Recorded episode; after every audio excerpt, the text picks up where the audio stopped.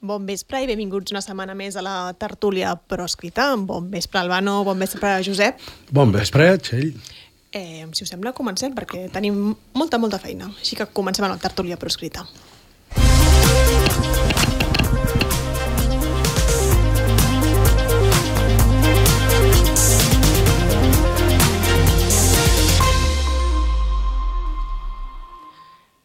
Crec que ha sonat uns cops que han fet aquí l'Albano i el Josep, eh?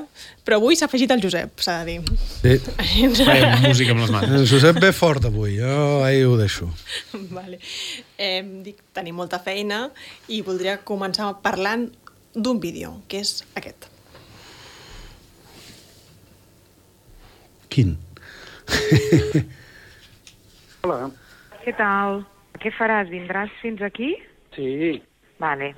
Aviam. T'espero a la porta o què faig? Aviam, aviam, el Bueno, tren mira, el tre... és que mira, tinc dos segons més, eh? Vale. Vull dir, és que El vaig tren així arriba a un amic. 14.37, Pues ja estaré a la porta. O espera't a l'estació si no vols caminar. Aquesta és una de les 299 converses personals que la Guàrdia Civil va enregistrar del meu telèfon, del telèfon de l'Albano Dante i dels telèfons de dos membres més de la meva família, entre el 16 de desembre de 2019 i el 16 de març de 2020. Albano, Com ho veus? et sona aquest vídeo? Publicàveu aquest diumenge a Sí, sí. octubre, tu i la Marta, i denunciàveu que us han espiat durant un temps Sí. la Guàrdia Civil. No sé si vols explicar-ho tu millor. No, molt, nosaltres ja sabíem que havíem patit espionatge perquè quan Citizen Lab va fer la llista de les, crec que eren 65 persones, no?, que, havien estat, inf- que els seus telèfons havien estat infectats amb Pegasus, un d'aquests telèfons era el meu, per tant nosaltres eh, ja ens ho imaginàvem, la diferència és que ara eh, és la confirmació total per dues qüestions. Primer, perquè està en un sumari, és a dir, hi ha un jutge, hi ha un, hi ha un cos, que és la Guàrdia Civil, hi ha un fiscal eh, autoritzar, eh, fent un informe favorable, no?, em sembla, hi ha un jutge autoritzant l'acció i fins i tot hi ha el, els àudios, no? Per tant, el que fins ara ells deien no, no, nosaltres no hem espiat i era semblava una simple opinió, doncs ara veiem que, que era una realitat, no? I, i bé, doncs ho hem volgut compartir, per això el vídeo comença amb l'àudio, no? Perquè al final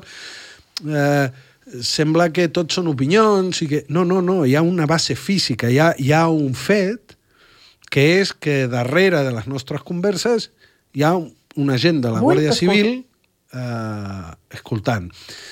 I eh, acabo. Um, hi ha una part, òbviament, que és impressionant a l'hora d'escoltar la teva veu d'una conversa, a més a més, de fa tres anys, no? que te, et, et sobta, no? i a més converses amb amics eh, que t'estan explicant coses molt, molt... Per tant, hi ha una part eh, de, de l'impacte a nivell personal, que te pots sentir víctima a nivell personal, això és, és important, però jo crec que eh, hem de fer l'esforç i l'exercici de, de, de posar sobre la taula el, el, el component polític de tot això. O sigui, el component polític, és a dir, quan, quan es fa una pel·lícula com aquella de, de la vida de los otros, uh -huh. eh, per què aquella pel·lícula és tan impactant i, i per què es va arribar a fer una pel·lícula? Per el pobre alemany de l'est que el van escoltar? Bueno, sí, però també perquè això és la mostra de tota l'estructura d'aquella societat. És a dir, aquella societat té en la seva estructura corcada això, i per tant, més enllà de la, de la qüestió personal, de, hòstia, m'han escoltat, de dir, eh, quina societat estem vivint, no? Bé, ara ja, amb això només ja hem avançat la primera qüestió criminal, perquè no és només una dimensió política, és una dimensió criminal. Um, ara explicaves que tot això són converses personals, o sigui, fins i tot íntimes devia haver-hi entre vosaltres. I entre diversos membres de la vostra família, no només vosaltres. Bueno, hi ha, hi ha una conversa que ara mateix la deu tenir Vox o no sé què, on té una amiga de la Marta li explica que té càncer.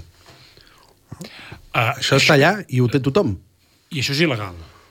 Això cal explicar-ho. És a dir, la intervenció d'una conversa telefònica amb autorització judicial, que després podem discutir si això, si l'autorització aquesta és correcta o no, que jo crec que no, però suposem que formalment l'autorització fos correcta, no poden gravar una conversa en què una amiga t'explica que té càncer i deixar-la a la causa judicial que es difongui. Perquè no té res a veure, Perquè diguéssim. no té absolutament res a veure amb el que s'està investigant. És a dir, suposant que hi hagués una causa per terrorisme, si tu trobes una conversa amorosa o una discussió personal o una cosa íntima i privada de, de, de, de dos amigues, això ha de quedar absolutament al marge de la investigació policial i destruir-se immediatament. És a dir, el fet de que aquesta conversa estigui a l'Audiència Nacional i que tots el tinguin, inclosos els fills de puta de Vox, perdó, no sé si ho havia de dir, uh, uh, això, és deli això és delicte. Això és il·legal. No, no, no poden punxar-te el telèfon uh, i tot el que surt a les converses, abocar-ho en el jutjat. Això no es pot fer. És que, més, el jutge, en les resolucions, ho diu que no es pot fer. Uh, uh, I després podem parlar de, de si hi havia motiu De quines són les o, motivacions. o no hi havia motiu per, per d'això. El vídeo que vareu penjar, el vídeo d'octubre, explica les motivacions i les descobertes, és a dir, el, el resultat d'aquestes intervencions uh, telefòniques.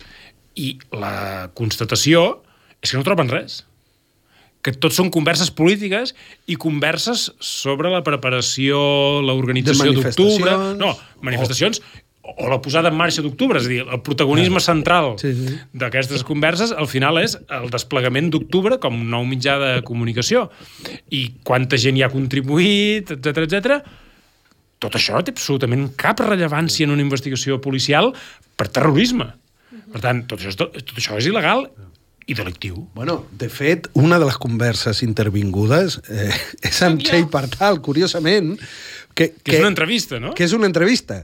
Sí. I, I transcriuen l'entrevista i dius, hòstia, aneu a VilaWeb i la llegiu, però posen l'entrevista com a fet que dona motiu per... Però no saben ni relacionar-ho amb VilaWeb. És curiós perquè... Sí, perquè posen que és un altre Txell. És a dir, tot, tot és molt cutre, però a la vegada molt greu. No, mm, o sigui, crec que faríem malament de riure, per, sí. perquè, perquè sí que és veritat, quan ell... O sigui, hi ha algunes de les explicacions de la Guàrdia Civil que fonamenten les escoltes cap a mi i cap a la Marta és que, clar, que quan va sortir el tsunami jo retuitejava el que deia el tsunami. Però no només retuitejava el que deia el tsunami, sinó que en alguns tuits retuitejava un comentari Sí, sí, sí. Terrori terrorisme de, de, Hòstia. bueno, del dolent, I, això. i, eh? Imagina't, imagina't, però és que, en fi, la causa és llarg. Jo, que no estic acostumat a llegir aquesta mena de textos legals, deia, aviam, m'estic perdent algo en algun lloc, mm, deu haver algo que jo no, ara no, no caic, que, i que, clar, ho repasses dos o tres vegades i al final dius, però, però això què és? I, No, i, és una i, causa i, i que sort, sort que tenia en Josep i li deia, Josep, mira, tinc això, què, què és això? No? Que... No, és tota una investigació que només té contingut personal, que cometen la flagrant il·legalitat de no esborrar-ho i destruir-ho immediatament, sinó que ho difonen en el jutjat, i l'altra part és contingut estrictament cívic i polític. És a dir, no hi ha ni la més mínima troballa que puguin utilitzar des d'un punt de vista mm. legal, des d'un punt de vista de persecució d'algun delicte, ja no terrorisme, mm. d'algun mínim delicte, fins al punt de que la Guàrdia Civil, amb totes les palles mentals que es fan amb els vídeos d'octubre i el fet de que Albano va anar a una manifestació del tsunami, uh, uh, volien mantenir la investigació oberta, volien continuar espiant-lo, i el fiscal i el jutge tenen una miqueta de vergonyeta i diuen potser que ho deixem estar, Sí, que però això no això s'aguanta per de, enlloc. després de, de 3 o 4 Després mesos. de tres mesos, diuen potser que ho deixem estar, que no s'aguanta per enlloc. Ara analitzarem això perquè volia parlar justament d'això, de, de que finalment fins i tot ells mateixos eh, se n'adonen que el que estan fent no, no té sentit. La Guàrdia Civil no, la Guàrdia Civil volia continuar. Sí, sí. Ara, ara entrarem més en fons, però si us sembla, connectem un moment amb la redacció de VilaWeb, on tenim allà el Josep Noalar Casolleres, el cap de redacció. Mm, Bon vespre, Josep. Hola, bon vespre, com esteu? Volia connectar amb el Josep perquè justament a VilaWeb hem publicat aquesta tarda, aquest, sí, aquest migdia, eh, precisament que l'Albano no és l'únic que surt en aquest sumari, diguéssim, no? I, i hem publicat un tema explicant que l'audiència eh, espanyola va ordenar també espiar David Fernández amb, amb Pegasus. Era connectar amb tu per si ens ho podia explicar una mica millor. Sí, ex- exacte. És a dir, això que ha estat explicant l'Albano ara eh, és un cas en què es van trobar també o que també van fer amb el David Fernández i amb el Quim Arrufat i amb molta més gent que surt eh, en aquest sumari de la causa del tsunami. Eh? Uh, una causa del tsunami que, a més a més, ve de diligències anteriors d'investigació, d'una investigació que comença a finals del 2017, principis del 2018, d'aquest mateix jutjat de l'Audiència Nacional, del, del, que, de, del jutjat que, que porta García Castellón i que va començar amb CDRs, van ampliant tota la taca d'oli d'investigació prospectiva, de, de punxades telefòniques i d'intromissió en Pegasus o amb software equivalents a Pegasus, amb molta gent de tot un moviment polític que és l'independentisme. Això es va anar fent al llarg de tot el 2018, del 2019, fins que arriba l'esclat del tsunami, i és aquí on, amb l'esclat del tsunami, reorienten la, la investigació que estaven fent prospectivament cap a eh, dirigents eh, o persones rellevants de l'activisme, eh, no només, eh, hi ha molta més gent, que això algun dia també ho haurem d'explicar. Uh, i, I dins d'aquesta aquest, gent amb una posició rellevant, amb una capacitat d'influir en l'opinió pública amb el que diuen o amb el que fan, hi ha el, cas de l'Albano, però també hi havia el cas del David Fernández i del Quim Arrufat, exdiputats de la CUP. Llavors, aquí el que nosaltres hem vist, i el que expliquem avui, és que durant aquest mateix lapse de temps en què uh, espien l'Albano, li punxen el telèfon, també ho fan amb ells dos, amb el David Fernández i amb l'Arrufat, Uh, també a partir de la motivació quina és? És que veuen que ells tenen un molt protagonisme en les mobilitzacions o en les xarxes socials, en els missatges que fan, i que, per tant, això justifica justifica que se'ls punxin els telèfons, que se'ls intervinguin les comunicacions d'entrada de la manera que ells diuen textualment convencional, que seria això de les intervencions telefòniques, tal com van fer amb l'Albano. Uh, I ho fan durant uns mesos, um, veient uh, l'esclat que tenen les uh, mobilitzacions del tsunami i que l'Arrufat i el Fernández hi participen activament i, i llavors decideixen que se'ls ha de punxar el telèfon. De les converses telefòniques en treuen poca cosa. Aquí, diguéssim, hi ha com una evolució una mica diferent, potser, del cas de l'Albano, que és que veuen que, sobretot en el cas del David, no troben gaire, gaire material en les converses telefòniques. I això, eh, en comptes de dir, bé, doncs deixem-ho estar, és per ells la raó que justifica anar més enllà en la intromissió i, fer instal·lar en el telèfon del David Fernández el Pegasus, un software espia. Per què? Perquè ells veuen que el fet que no, tinc, no, hi hagi, no parli gaire per telèfon o que no utilitzi missatgeria, eh, aplicacions de missatgeria més convencional, vol dir que està utilitzant aplicacions de missatgeria segura tipus Signal o Wire. Uh, llavors, per això diuen, doncs, hem d'entrar dins del seu telèfon i des d'allà controlar remotament el seu telèfon sense que se n'adoni amb aquest software espia per poder accedir a tot, a les bases de dades, correu electrònic, a contactes, a totes les aplicacions de missatgeria, és com si ells fossin els amos del telèfon. Això és el que permet Pegasus. I no, no diuen que utilitzen el Pegasus, no utilitzen aquest nom, parlen del software, del software eh, que permet aquest control, eh, però és exacte les mateixes prestacions exactament que les de Pegasus. Bé, doncs, amb el cas del David Fernández, la Guàrdia Civil demana de poder-ho fer per això, per poder anar més enllà, i el fiscal i el jutge de l'Audiència Nacional eh, ho, ho autoritzen, eh, i estan d'acord i ho autoritzen. Què passa? Que eh, això s'ha d'anar fent en pròrrogues eh, d'un mes, d'un altre mes, s'han d'anar renovant les pròrrogues per tenir l'autorització per poder fer això, que qui ho fa efectivament és la Guàrdia Civil. Passa un mes i la Guàrdia Civil no ha aconseguit eh, instal·lar el software en el mòbil de David Fernández per problemes tècnics. Diuen que són aliats a la investigació. Demanen una pròrroga d'un mes més a veure si, si se'n surten. Mentrestant, el telèfon continua punxat, és a dir, la intromissió de les comunicacions continua. Uh, però com que no acaben de treure'n tampoc massa informació, doncs diuen a veure si ara ens en sortim. Passa un mes més i continuen els problemes tècnics. I, i ens situem ja al final, al mes de març del 2020, quan la Guàrdia Civil diu hem tornat a tenir problemes amb la instal·lació d'aquest software a David Fernández, si us plau, concedeixen una nova pròrroga perquè a veure si ara ens en sortim. I és aquí on llavors el fiscal, és amb el, crec que és amb la mateixa, és a la mateixa data, 16 de març del 2020, on diu que ja n'hi ha prou amb les intromissions a l'Albano, que també diu que ja n'hi ha prou amb les del Quim Arrufat, eh, telefòniques, i diu que ja n'hi ha prou que, eh, d'aquest intent d'accedir amb un software espia al mòbil de David Fernández. Uh, I amb l'argument doncs, de que al final, home, eh, tot el que m'esteu presentant aquí són que no són ni indicis, no? no hi ha manca de dades objectives que permetin eh, doncs, justificar una intromissió d'aquest de, uh, calibre, d'aquesta gravetat, en un dispositiu uh, per delictes de terrorisme. No? Aquí no acabem de veure indicis de terrorisme que serien els que justificarien això. I diu textualment el fiscal que això, una resolució que uh, autoritzés aquesta intromissió, um, doncs uh, estaria uh, qüestionar, seria qüestionable constitucionalment, no? Uh, uh -huh. perquè no estaria prou motivada. I aquí és on, aparentment, almenys aparentment, s'acaba uh, el seguiment uh, de les comunicacions del David Fernández i del Quim Arrufat. Uh, I això és el que expliquem avui. El que passa que ha de quedar clar que això també té lloc, 16 de març és justament quan esclata la pandèmia, és un, un moment en què el tsunami eh, uh, ja no està actiu.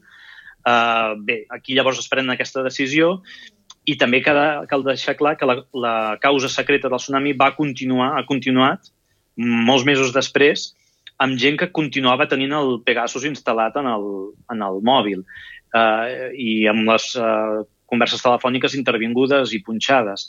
I això s'ha anat mantenint en secret fins, fins fa quatre dies, quan es va aixecar el secret de sumari, i amb aquell intent del, de la Fiscalia de, de reconduir la cosa cap a desordres públics, García Castellón va dir no, uh, que volen fer una amnistia. I llavors, doncs, vinga, que vingui l'extrema dreta, es personi com a acusació particular, mantingui la causa per terrorisme, ho mantenim a l'Audiència Nacional i fiquem aquí Puigdemont, la Marta Rovira i qui faci falta. I aquí, i aquí és on som. Perfecte, doncs moltes gràcies per situar-nos, Josep, i et deixem continuar treballant. Perfecte, gràcies. gràcies a vosaltres, salut. Adéu. Adéu. Ho deia el Josep, no? I justament ho comentàvem fa un moment, no? Això de que fins i tot la Fiscalia arriba un moment que diu, bueno, això ja voreja la, la inconstitucionalitat. Vull dir, que fins i tot ells mateixos eh, s'adonessin parlant... que estaven passant. És que estan parlant... Albano no està investigat en aquesta causa. La Marta no està investigada en aquesta causa. És dir, de tota la gent que varen investigar en aquesta causa, en aquesta peça, eh, eh, potser s'ha d'explicar que això és una peça, és com una carpeta separada, mm. una peça separada que es diu tècnicament, de la causa del tsunami. És a dir, eh, per això ho du un jutge diferent, que no és en García Castellón, sinó que és en Navascal, eh, que no, no sabem que tingui res a veure, no. part de les idees, amb el senyor Abascal de Vox, diguéssim. El, el, la qüestió és eh, que hi ha un altre jutge amb, amb una parcel·la privada d'aquesta causa. Eh, pel que sabem fins ara, d'aquesta investigació paral·lela o d'aquesta carpeta separada de la investigació del tsunami, no n'ha sortit ni una sola imputació delictiva a ningú. Mm -hmm. És a dir, es dediquen a punxar multitud de telèfons eh, de manera encadenada, un darrere l'altre, ara en punxen sis, a partir d'aquests sis en punxen sis més i no sé què. Clar, perquè en, en teoria el, el sistema, l'ordre lògic és la Guàrdia Civil té unes sospites, demana que es punxin uns telèfons i en teoria si les sospites estaven ben enfocades, al final el jutge pues, ha d'imputar un delicte a unes persones. Clar, que escoltin a desenes i desenes i que gairebé ningú acabi imputat... Per, permet que faci una correcció. Eh. Uh, D'acord amb la jurisprudència del Tribunal de Drets Humans, la cosa aniria al revés. Primer t'imputen un delicte i després t'escolten. Uh mhm. -huh. Perquè si no t'imputen un delicte, no està justificada l'escolta. És a dir, si no, és, és el que deia en Josep, és una investigació prospectiva. Ah, a veure què trobo. Primer han de trobar indicis delictius de coses molt greus contra tu i a partir d'aquí poden justificar que t'escolten per trobar proves d'aquesta activitat delictiva. No poden punxar-te per meres sospites a veure què passa. Això està prohibit. Això és una vulneració de drets fonamentals flagrant. Això és el que han fet. S'han dedicat a punxar un telèfon, a partir d'aquest telèfon en punxen un altre, i, i segueixen progressivament a, a investigant gent, espiant gent, amb una causa fake de terrorisme que acaba en res. És a dir, d'aquesta peça concreta, la que porta el jutge Bascal, eh, pers personalment separada de, de, la, de la causa García Castellón del tsunami, no en surt ni una imputació delictiva de cap delicte, no de terrorisme, de cap delicte contra ningú de les persones que s'han investigat i s'han espiat. Això, en, ell mateix, aquest fet, és la demostració de que aquesta investigació és il·legal. És tota ella il·legal, tota ella vulnera els drets fonamentals de les persones espiades i tota ella és nula de ple dret i no sé, fa molt bé en Albano quan en el, en Albano i la Marta quan en el vídeo diuen que eh, aniran eh, contra les persones responsables de tot això. Això t'anava a preguntar jo, Costa, com, com a advocat. Eh, això es pot... Eh, això es pot denunciar? I tant. I té Això- recorregut? Això són...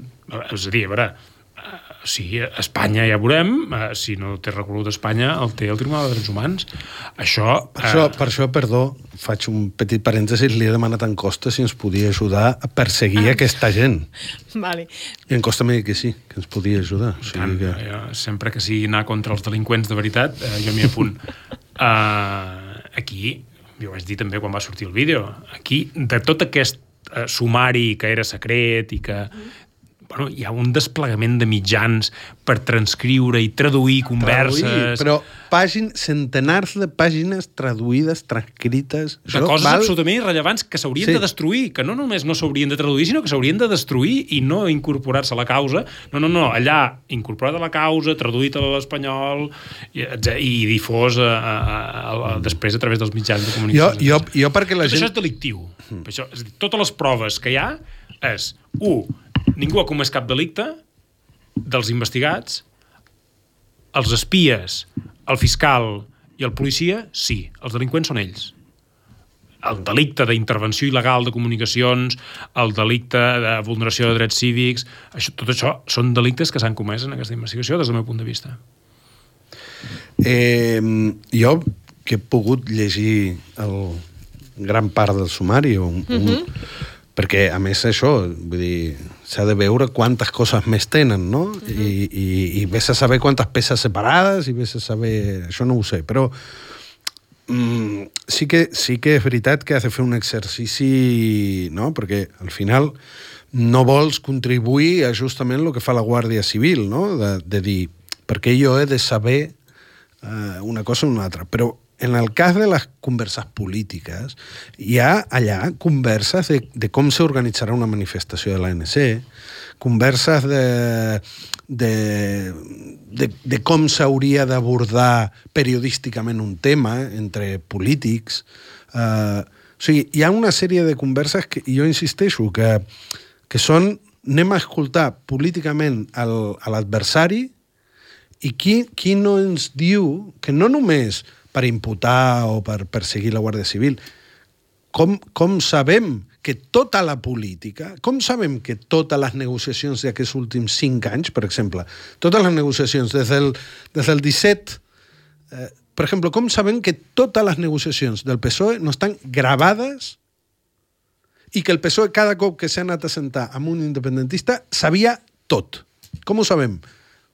Tenim la certesa que sí. és que a dir, tenim la certesa que sí. Això, és a dir, jo, jo, jo intento eh, anar més enllà del greuge personal, de l'escàndol de si els guàrdies civils són uns xusqueros, fins i tot vull anar més enllà de, de si els jutges són el que són, que òbviament caldrà perseguir-los i tal. De dir, som un moviment polític... O sigui, quin moviment polític pot exercir el, el, el, la, seva, la seva agència política si l'adversari escolta totes les teves converses.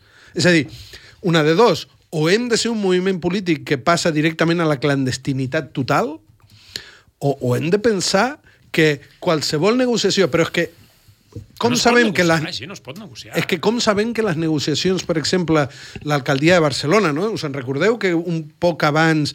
Com sabem que no estaven allà tothom escoltant tot, absolutament tot, per prendre una sèrie de decisions polítiques que, que, que influeixen fins i tot en la voluntat popular de la gent a l'hora d'haver votat una cosa o haver votat l'altra. És que, vull dir, est, formalment cau... O sigui, sempre parlem no, de que no, no és una democràcia, és una democràcia fake. Escolta'm, si els partits polítics, que són, diguéssim, dintre del sistema representatiu, un, una de les peces principals del funcionament democràtic de la societat, si aquests partits polítics no poden mantenir debats interns sobre política, això és una dictadura.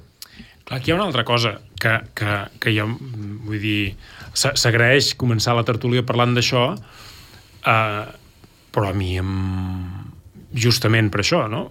Però és que aquest tema hauria d'estar a la portada dels mitjans, perquè aquí acaba de destapar-se l'altra pota de l'espionatge de Pegasus. És a dir, això que no és han espiat octubre, que sí, i que és molt greu, però, però tu estira una mica més al fil, el que s'acaba de destapar és la part de Pegasus que no coneixíem. Dius, hauria d'estar portada als mitjans i potser una de les queixes és que no hi és. No, Que ha passat és que el tema de moment- Pegasus... És, a dir, és, que, és que, clar, ara aniré una miqueta més enllà i faré el comentari polític. Uh, aquesta és la pota marlasca de Pegasus. Fins ara només coneixíem la pota Margarita Robles, que era la pota del CNI, que hi havia 18 persones, és a dir, el govern espanyol va reconèixer que el CNI havia, havia espiat a 18 persones a través del CNI. És a dir, que era Margarita Robles, que continua sent ministre amb renovada confiança, eh, eh, havia espiat a 18 persones. El que no sabíem, de fet, mm, es negava, no? Allò, eh, tothom ho negava, el que no sabíem és que hi havia la pota marlasca de tot això. I que la Guàrdia Civil tenia una llista de gent que es havia dedicat a, espi a, a, a espiar que estan en l'informe de Citizen Lab que deien que era fake mm. i que deien que ens ho havíem inventat, que només n'hi havia 18, que els altres 40 i pico que sortien a l'informe de Citizen Lab eh, ens ho havíem inventat que no eren espiats. Eh, jo eh, he tingut ocasió de comprovar que eh, una gran majoria dels que surten en aquest sumari del tsunami, mm. començant per Albano, són les persones que surten a la- l'informe de Citizen Lab que fins ara es- l'Estat negava haver-los espiat. Digues, Ramon, volies dir... No. No, no, no, no. Ah, que, que, mm, és a dir, la, la, la qüestió del, de la impossibilitat... Torno, torno una mica a la, a la qüestió de la impossibilitat de, de debatre, de fer política en aquestes condicions. O sigui, l'única manera de respondre i de... I de dir, pr- primer s'ha de denunciar que no es pot fer política així, que tota la política que faci així està viciada d'origen, no? Igual que, igual que els... Que els eh, eh, no? Això en els, en els processos judicials, no? quan, quan una pota falla, cau tot, perquè no... Pues en aquest cas, des del, o sigui, estem parlant des del punt de vista jurídic, que això no s'aguanta, però és que des del punt de vista polític tampoc s'aguanta. És a dir, eh, i No insisteixo, no hi ha me- democràcia. més enllà del dret fonamental, que també, perquè la democràcia es basa en els drets individuals de, de cada un dels membres de la societat, que hi ha una protecció, però més enllà, més enllà d'això, és a dir, a banda de que ja havíem dit que Pegasus com a eina era totalment destructora, això ho va dir la Unió Europea, no? La, aquesta mena d'eines... Eh, Bueno, perdó, el Consell d'Europa, en la resolució que va fer el mes passat, va demanar a tots els estats del Consell d'Europa, tots els estats membres del Consell d'Europa, una moratòria en l'ús de Pegasus mm. fins que la Comissió de Venècia del mateix Consell d'Europa no revisi que les legislacions No. estableixen les garanties necessàries. Per tant, en aquest moment, a, a cap estat membre del Consell d'Europa, més enllà fins i tot de la Unió Europea, hauria d'estar fent servir Pegasus perquè així ho ha requerit el Consell d'Europa, que és l'Organització de Protecció dels Drets Humans.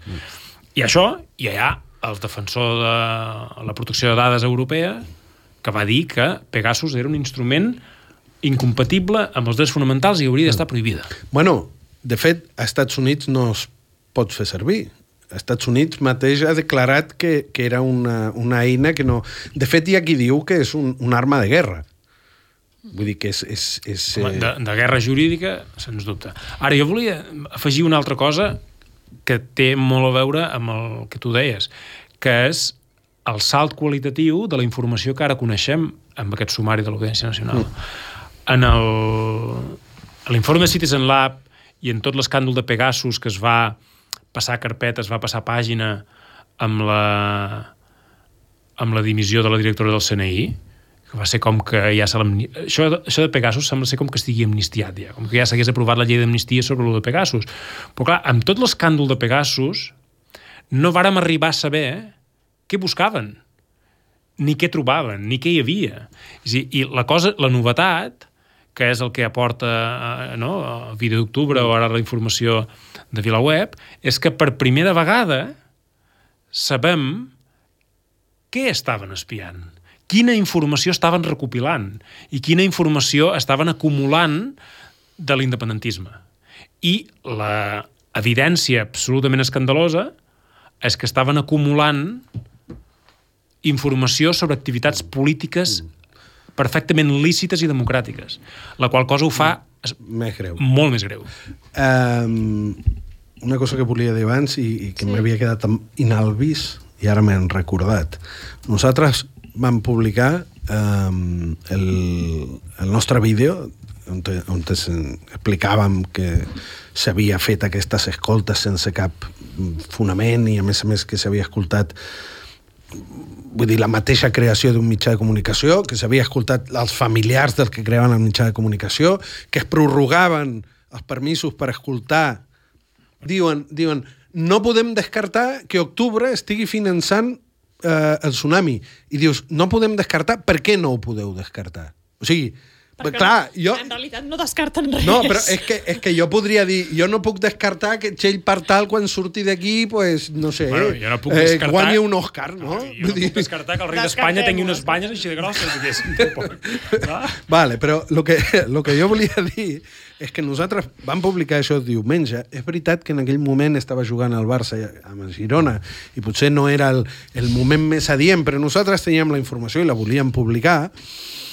Uh, fins avui al matí, excepte la notícia que va fer Vilaweb, que vau veure el vídeo i ràpidament... Mm -hmm. uh, excepte això, o sigui, cap mitjà... És a dir, tu en aquest país publiques que, que estan eh, punxant eh, els mòbils de periodistes i les seves famílies en base a no res, ho publiques, poses les proves, expliques fins i tot que la Guàrdia Civil ha mirat els vídeos de mi com a tertulià al Tot es mou. Hòstia, i és dijous al matí i no t'ha contactat ningú per preguntar-te escolta'm, això que estàs explicant que ni, ni, ni, la, ni els mitjans públics, hòstia, que, que, que la Guàrdia Civil posi declaracions en una investigació per terrorisme que es fan en un programa seu, hòstia, de veritat a ningú li importa. De veritat hem arribat al punt aquest. O sigui, com han aconseguit, com ha aconseguit l'Estat domesticar tan fortament el panorama Saps- mediàtic saps- català? És brutal, eh? És que- brutal. Saps què passa? Això, malauradament... He de, he de dir que avui un, un periodista de l'Ara m'ha contactat. Vull dir, bàsicament són les, les dos contactes únics que he tingut, però eh, els mitjans públics, perdó, eh, però No, que no. És, és impressionant. He de, he de dir, amb tristesa, que això es, venia, es, es veia venir, diguéssim, no? És a dir, quan tot l'independentisme i eh, tota l'esquerra espanyola acaben sent aliats en el govern espanyol, no hi ha ningú per fer-los oposició. No hi ha ningú per denunciar les malifetes d'en Marlaska i companyia. Aquest és, el, aquest és el problema de fons que tenim, que és que no hi ha dissidència política ni mediàtica en aquest país, pràcticament. Vale, però- però, escolta'm, ja per- ja per pur dir, corporativisme- El, el 80%, és a dir, la via àmplia del 80%, ara estan donant suport a en Marlaska. També abans ho comentàvem amb l'Albano abans de començar la tertúlia, no? que deia, miràvem els comentaris que sortien mm. a la notícia del David Fernández a Twitter no? i tots mm. hi havia molts que banalitzaven que l'haguessin espiat mm -hmm. i que deien com 3.000 més o mira un altre o ja, ja aquí no hauran trobat res, aquest és un venut. Vull dir, d'acord, però la majoria de comentaris són així. Estem banalitzant que ens espiïn? És a dir, no, la gent està entenent la gravetat de, del que significa això? Jo saps que, i aquí crec que hem de fer autocrítica, potser com a moviment polític abans del 2017, que no estava acostumat a la, a la repressió, i això és repressió també, no? Potser com a mo- moviment polític i perquè van patir l'impacte de que van, van veure com empresonaven gent que fins aquell moment havia estat no? gent en la que un, la societat havia establert uns lligams no? gairebé afectius no? amb, amb una sèrie de líders eh, i aquí cal fer l'autocrítica de molt, molta d'aquesta resposta va ser molt emocional. I jo crec que era inevitable, per una banda, però que ens vam centrar molt en, hòstia, pobre, pobre Jordi Cujar, o pobre qui sigui, no? O pobre David Fernández, o pobre Albano, o pobre no sé qui, perquè li han punxat el telèfon. I jo crec que hem de fer l'autocrítica, que no sabíem segurament com actuar millor i que està bé posar-ho sobre la taula, però és que crec que és molt important deixar enrere això. Això no és un problema de David Fernández, això no és un problema d'octubre, no és un problema d'Albano. I aquí és on te, em trobo que potser el següent pas de la lluita també haurà de contenir aquest creixement mental. De dir, encara que escoltin algú que no estàs d'acord, perquè és d'Esquerra, o perquè és de Junts, o perquè és de la CUP, i perquè no estàs d'acord... Tu, que no podem fer política entre tantes coses que se'ns nega als catalans, una és no poder fer política. Vosaltres esteu expulsats del, de la vida política. No, us expulsem inhabilitant a la gent, però us expulsem impedint que organitzeu una manifestació.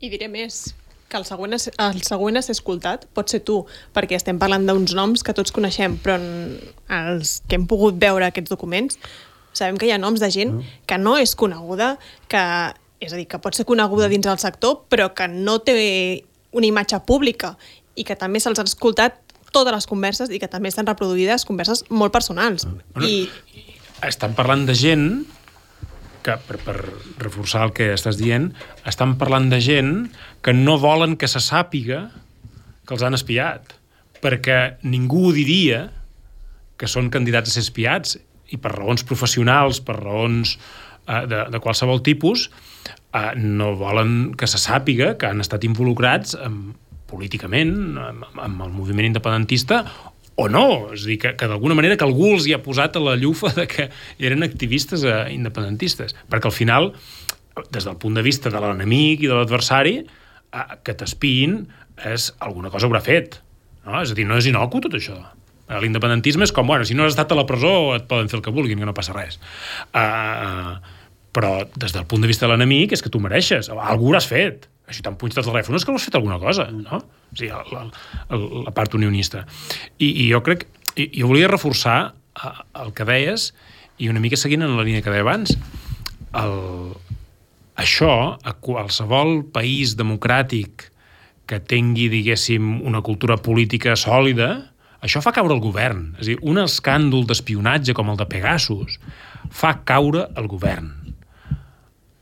N'ha fet caure. És a dir, hi ha molts precedents des del Watergate i, en, i més enllà hi ha molts precedents de governs que han caigut, que hi ha hagut dimissions fulminants per un escàndol d'espionatge que no és no tan greu com aquest.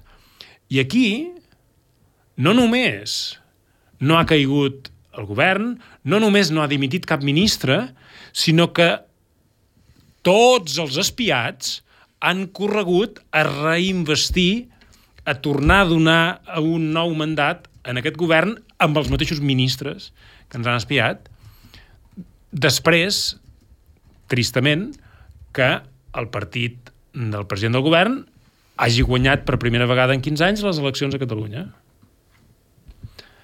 Per tant, ens ho hem de fer mirar. En un país democràtic, aquest escàndol fa caure el govern. I aquí no només no ha fet caure el govern, sinó que ha ampliat la seva base política i electoral de vots i d'aliats per seguir governant amb els mateixos ministres. Canviant una mica de tema, perquè ens queden ja un- quart d'hora, eh, i volíem parlar de diversos temes que ja no els parlarem, però relacionat una mica amb el que deies, no, Costa? Perquè aquesta setmana hem tingut eh, unes imatges tant al Parlament d'Estrasburg com al, com al Congrés espanyol, no? on potser el to de l'independentisme eh, a mi com a mínim m'ha sorprès, diguéssim, no? perquè eh, tenim al Parlament d'Estrasburg eh, ahir mateix eh, es troben per primera vegada cara a cara eh, Pedro Sánchez i Carles Puigdemont. Eh, és veritat que és la primera vegada des de l'exili que Carles Puigdemont pot dir algunes paraules a un president d'un govern, del govern espanyol, que el pot interpel·lar, és veritat que no hi ha la imatge de l'encaixada de mans, no existeix aquesta imatge, però sí que hi ha imatges que se'ls veuen a prop, diguéssim. Tampoc hi ha... És a dir, no es creuen cap, cap mirada ni res, en principi, eh, però, però clar, el to de Puigdemont a mi em sorprèn perquè és un to conciliador d'alguna manera. És a dir, és veritat que li, que li retreu no poder parlar el català, és veritat que li fa una advertència de dir hem perdut una oportunitat amb el català a Europa, però un altre moment hagués sigut un altre to, no? Potser. Home, clar, si no l'hagués investit president, li hauria parlat d'una altra manera, però clar, és que eh, en el moment que tu fas un pacte i fas un acord d'investidura i que d'alguna manera t'entregues a les seves mans la llibertat personal de potser centenars de persones, eh, d'alguna manera és, és la conseqüència natural que ja no és el to de confrontació que era, que era abans, que sinó que és un to d'exigència de dir, escolti, hem fet uns pactes, eh, eh, eh, ara estic esperant que vostè els compleixi. Clar, clar, és que eh, diria, el to de confrontació va ser per part de la dreta i l'extrema dreta europea, que aquests sí que van bramar, cridar, insultar eh, tot el que van poder a Pedro Sánchez. Mm, és alguna mica la, la, els primers indicis d'allò que aquí n'havíem dit la satelització de l'independentisme respecte del PSOE, és a dir, com la confrontació entre PP i PSOE és tan forta, la proximitat entre el PSOE i l'independentisme es va, eh, va augmentant, va creixent, no? i per tant el conflicte entre Catalunya i Espanya eh, es va diluint en un conflicte entre PP i PSOE, entre dreta i esquerra. Això ja ho, sabí, això ja ho sabíem que passaria perquè ho havíem parlat aquí moltes vegades. I eh, a mi personalment em sap greu constatar que va tan ràpida la cosa, perquè al final hi ha una cosa també que, que té relació amb això que deies, no? de l'oficialitat del català, que ja diguéssim, s'ha arxivat definitivament pel que fa a la presidència espanyola. Això sí. S'ha acabat la presidència espanyola, s'ha acabat l'expectativa de que la presidència espanyola era una oportunitat per tenir el català a Europa. A dia d'avui no sabem si mai més es tornarà a tractar aquest tema al Consell de la Unió Europea. En principi, pot ser que sí, o pot ser que no. En principi, Bèlgica s'ha compromès a fer-ho, segons diuen. Mm, sí, i segurament amb el turc... Però també s'havien compromès, vull dir que, que sí, sí, que... amb, amb, segurament amb el turc... Eh, amb el turc... Eh, ara no em surt el, el, el nom de l'illa de la Unió Europea que està dividida entre... Xipre. Exacte, perdó, és que se m'havia anat el nom. Ah, sí, amb el turc a Xipre mai més se n'ha parlat al Consell de la Unió Europea. Uh, I mai s'ha retirat ni s'ha votat en contra d'aquella proposta. Per tant, això no es pot descartar, com deia abans. Eh, com a mínim no es pot descartar que aquest sigui un tema que ja ha passat a la història. Uh, um, en tot cas, a mi em va sobtar, tristament no em va sorprendre, em va sobtar, em va incomodar l'explicació del president Puigdemont eh, del tema aquest de que el català no havia anat bé. Perquè va donar la culpa al PP. I dius, hòstia, eh, tot això ho has pactat amb el PSOE, el PSOE del president del govern, el PSOE negocia tot això, i resulta que al final la culpa de que no tinguem el català, és a dir, la culpa de que en Pedro Sánchez no hagi complert allò que t'havia promès és del PP. Bueno, i sembla que en realitat la culpa és que els informes que han fet des del govern espanyol tampoc és que siguin gaire um, per aprovar-los, diguéssim. Que, que, que bueno, Plataforma per la Llengua ho ha dit clar. Potser el govern espanyol no ha fet tot el que calia fer per aprovar això. Jo, la, el text ha fet jurídic... molt, molta imatge, no? molta imatge i molt discurs, i que l'ha fet, però en l'hora de treballar per aconseguir que els altres estats ho aprovessin, segurament no ha fet tot la el que proposta, calia. La primera proposta que varen fer que era la proposta raonable per fer, aquella la hi varen tombar i la segona proposta que han fet, el segon text redactat que han fet, és un nyap jurídic i, lògicament, qualsevol servei jurídic diu que carai és això que heu presentat. Molt bé. Molt bé, diu. Tenim un altre nyap, no? Diu l'Albano. Eh, L'altra cosa que ha passat també, no? Ha passat al Congrés espanyol, deia aquest to. Eh, a mi em va sorprendre les declaracions que va fer eh, des de Junts, el diputat de Junts, Josep Maria Cervera, per argumentar per què s'havia d'aprovar l'amnistia?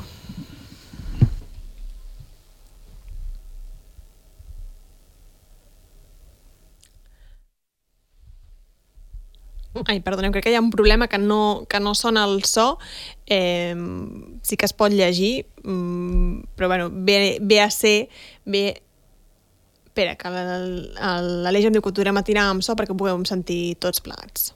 que alguns dels que més criden i gesticulen avui seran els principals beneficiats d'aquesta amnistia. Parlo d'aquells que han polititzat la justícia, allunyant-se dels estàndards del dret europeu. Ho deia el diputat Iñárritu, per exemple, utilitzant indiscriminadament tècniques de l'aufer o el concepte de terrorisme. I és que en cas de prosperar la llei, evitaran aquests sotmetre'n a l'escrutini dels tribunals europeus. Quin favor, senyor Feijó, quin favor, senyor Catalán, quin favor per l'estat espanyol. Doncs això, que al final qui sortirà beneficiat de l'amnistia seran els que més estan cridant al Congrés espanyol, deia ahir un diputat de Junts. Bueno, és, aquesta és la principal crítica que s'ha fet de la llei d'amnistia des del punt de vista independentista, que és que eh, és una amnistia pels delinqüents de l'Estat.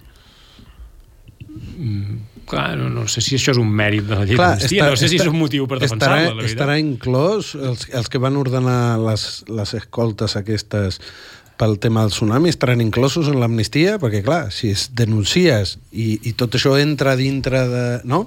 És a dir, ens podem trobar perfectament, ens podem trobar perfectament que si els acusats eh, de terrorisme pel tsunami o per l'operació Judes es beneficien de l'amnistia, que algú digui que els espies també s'han de ser amnistiats.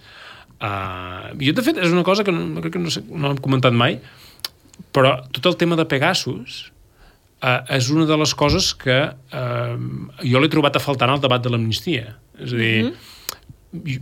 Particularment per deixar clar que ningú es podia beneficiar de l'amnistia si era acusat d'espionatge il·legal, per exemple. És a dir, que així com s'ha expressament amnistiat els policies que ens varen rebentar la cara el dia d'octubre, dels espies no es diu res. Dels que ens han espiat, per tant, no sabem si els volen amnistiar o no els volen amnistiar, si poden amnistiar-los o no poden amnistiar-los.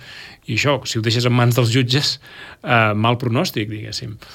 Però jo, sincerament, sí, és dir, eh, crec que en, eh, no, en Josep Maria Cervera amb aquest argument té raó, és dir, em sembla que això ja ho havia a VilaWeb hi havia hagut algun article que titulava d'aquesta manera, no? No serà això una amnistia per en Marchena?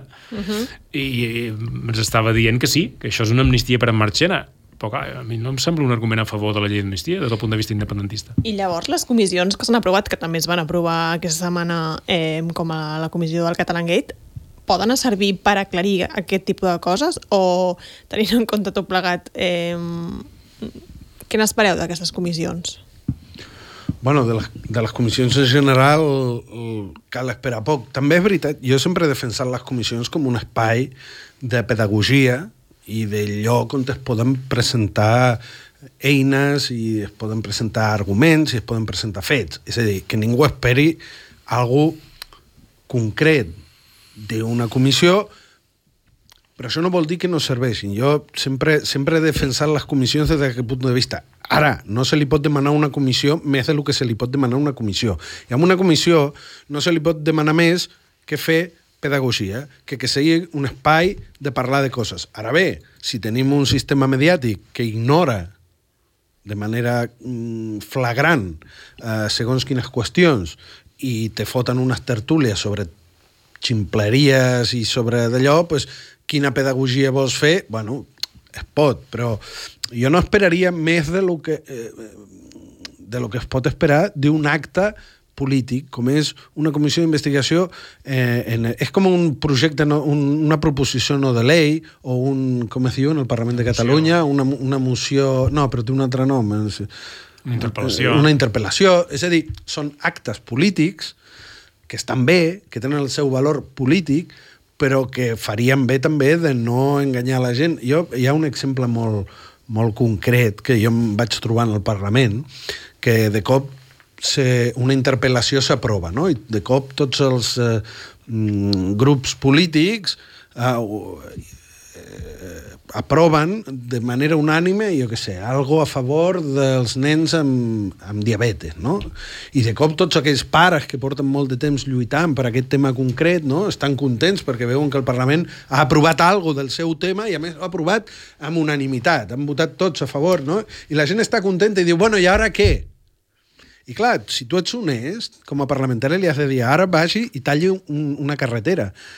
Perquè, perquè això, això sol no serveix per res. Jo no vull dir que els actes parlamentaris i les comissions no serveixin, serveixin per lo que serveixen. Però el que sí no pot ser és enganyar la gent i fer-li creure que allà s'ha solucionat el problema dels nens amb, amb diabetes o, o, o els problemes que siguin. Perquè això jo ho he vist. O sigui, al polític en qüestió li convé molt fer creure al que té un problema tu tranquil, que aquí nosaltres, mira, avui hem aprovat això, demà hem aprovat... És, és, és diguéssim, contribuir a alimentar i a sostenir una fantasia que és eh, eh, amagar-li a la gent on està el poder. Escolta'm, té el sentit que té, ja ho veurem, segurament es diran coses molt interessants i farem tuits i vídeos per explicar-ho. Ara, això no és la gran cosa, certament. Ara que parlàvem d'en David Fernández, tothom recorda la imatge de, la, de, la, De de la- l'espardenya, de no? Això, les sí. comissions d'investigació serveixen, Serveixen per, per això, això. perquè tothom recordi en David Fernández amb una espardenya, que és un missatge polític, no, no és una anècdota, és un missatge polític, i per tant, eh, les comissions d'investigació serveixen per fer soroll, per fer remor, eh, per fer relat, per marcar l'agenda política. Mm, en el cas espanyol, potser serveixen per altres coses. Ara que avui parlàvem de, I de, el, fet de, que, de, de se Pegasus... I el fet que se sàpiguen més, és a dir, el fet que aquests sumaris es comencin a, a descobrir, potser també faran que, que... És a dir, tu avui deies, em, sabíem, sabíem lo de la Margarita Robles, però no sabíem lo de Marlaska. Eh, si ara es comença a saber tot això, mm, ja sé la resposta que em donaràs, eh? Marlaska caurà? Uh, no. Uh, um, jo No sé volia dir, a banda d'això... M'imaginava que la resposta seria que no. Uh, la, però clar, uh, um, ara parlàvem de les comissions que es faran al Parlament espanyol. Al Parlament de Catalunya hi ha una comissió d'investigació sobre Pegasus. Algú n'ha sentit a parlar últimament? Si no és per la, la, la barbaritat que van dir els Mossos l'altre dia Que es plantejaven. que, es, que, que volien fer servir Pegasus ells també, quan hauria d'estar prohibit. És dir, l'únic que sabem de la comissió de Pegasus últimament del Parlament de Catalunya és que han anat els Mossos allí a dir nosaltres també volem Pegasus. És dir, per tant, han legitimat l'espionatge eh, abusiu i desproporcionat i il·legal amb una mm, eina d'espionatge que hauria d'estar prohibida. I van els Mossos a carregar-se el relat polític d'aquesta comissió que hauria de ser que això hauria d'estar prohibit. Uh, però res més. A tu t'han cridat a declarar a la comissió de Pegasus del Parlament de Catalunya? No. A mi tampoc. Però tampoc Bueno, i, i jo Però- recordo, recordo el Parlament i el govern de la Generalitat dient que estaria al costat de la gent que ens havien escoltat el telèfon. Mai, ningú, mai es va posar en contacte amb mi quan sóc un dels d'allò. A mi, a mi em va Eh, eh, trucar si la es posessin en, consellera... en contacte ara els enviaria a pastar fang, perquè, escolta'm, eh, entre altres coses per la inutilitat, perquè el que estem veient és la, la inutilitat. Escolta'm, tu, us en recordeu el, el lío que va muntar quan va sortir lo de Pegasus? Semblava que queia tot. No, no va passar res, no van prendre... De fet, me'n recordo una roda de premsa eh, de la consellera Serret on un periodista li va preguntar bueno, i com van les, els treballs que esteu fent per això de Pegasus? I diu, no, no tinc coneixement. No tinc coneixement. No, teni, no sabien res, no els importa. És que això és com lo de l'aigua de l'altre dia i com lo de la façana de, del Palau de la Generalitat. És, jo començo a pensar, jo creia que era perquè eren gent dolenta, no són dolents. És- Són incompetents. Vull dir, és, és incompetència. És Jo- incompetència. Jo vull ara... mm, Clar, tu, supos tu fas un, un megaperiodisme d'investigació per destapar de Citizen Lab, el, eh, vull dir, s'enfronten amb unes màfies de la hòstia i tal, i després va el govern i no sap ni, ni, ni, si, ni si han fet la comissió d'investigació, si han fet un informe, si han demanat informació al CETIT i no saben res. Hòstia, perdó. No, eh, eh, ara que tu deies de, de conselleres, jo crec que no estic dient res que no es pugui dir, a, a, a mi sí que em va trucar la consellera Vilagrà per oferir-me el suport com a persona espiada i jo molt agraït, encara l'estic esperant el suport, però vull dir... Bueno, eh, tu per lo menos et van trucar, a mi no em van trucar. Clar, no sé què és pitjor. Jo, clar, tu potser vas pensar que, que potser t'ajudaven, no? Potser, van dir que potser eh, hi hauria un suport, eh, inclús suport material i, i logístic per denunciar, per tal, encara ho estic esperant.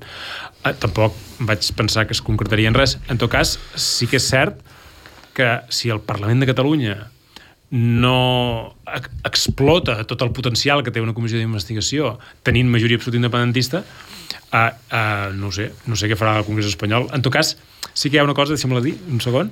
Un segon. Uh, les comissions d'investigació que muntarà el PP al Senat, allà on tenen majoria absoluta, crec que poden ser divertides. Perquè hi ha una cosa que en el cas del Parlament de Catalunya no serveix per res, és paper mullat perquè ningú s'ho pren seriosament, però que eh, és obligatori anar a una comissió d'investigació de les Corts Generals, per tant del Senat, yeah. controlat pel PP, és obligatori, i no anar-hi és un delicte. És a dir, que ens podem trobar en què gent del govern del PSOE eh, siguin citats a comparèixer, o independentistes, citats a comparèixer en una comissió parlamentària del Senat i que si no hi van els persegueixin penalment per no anar-hi. Doncs això és tot per avui i fins la setmana que ve.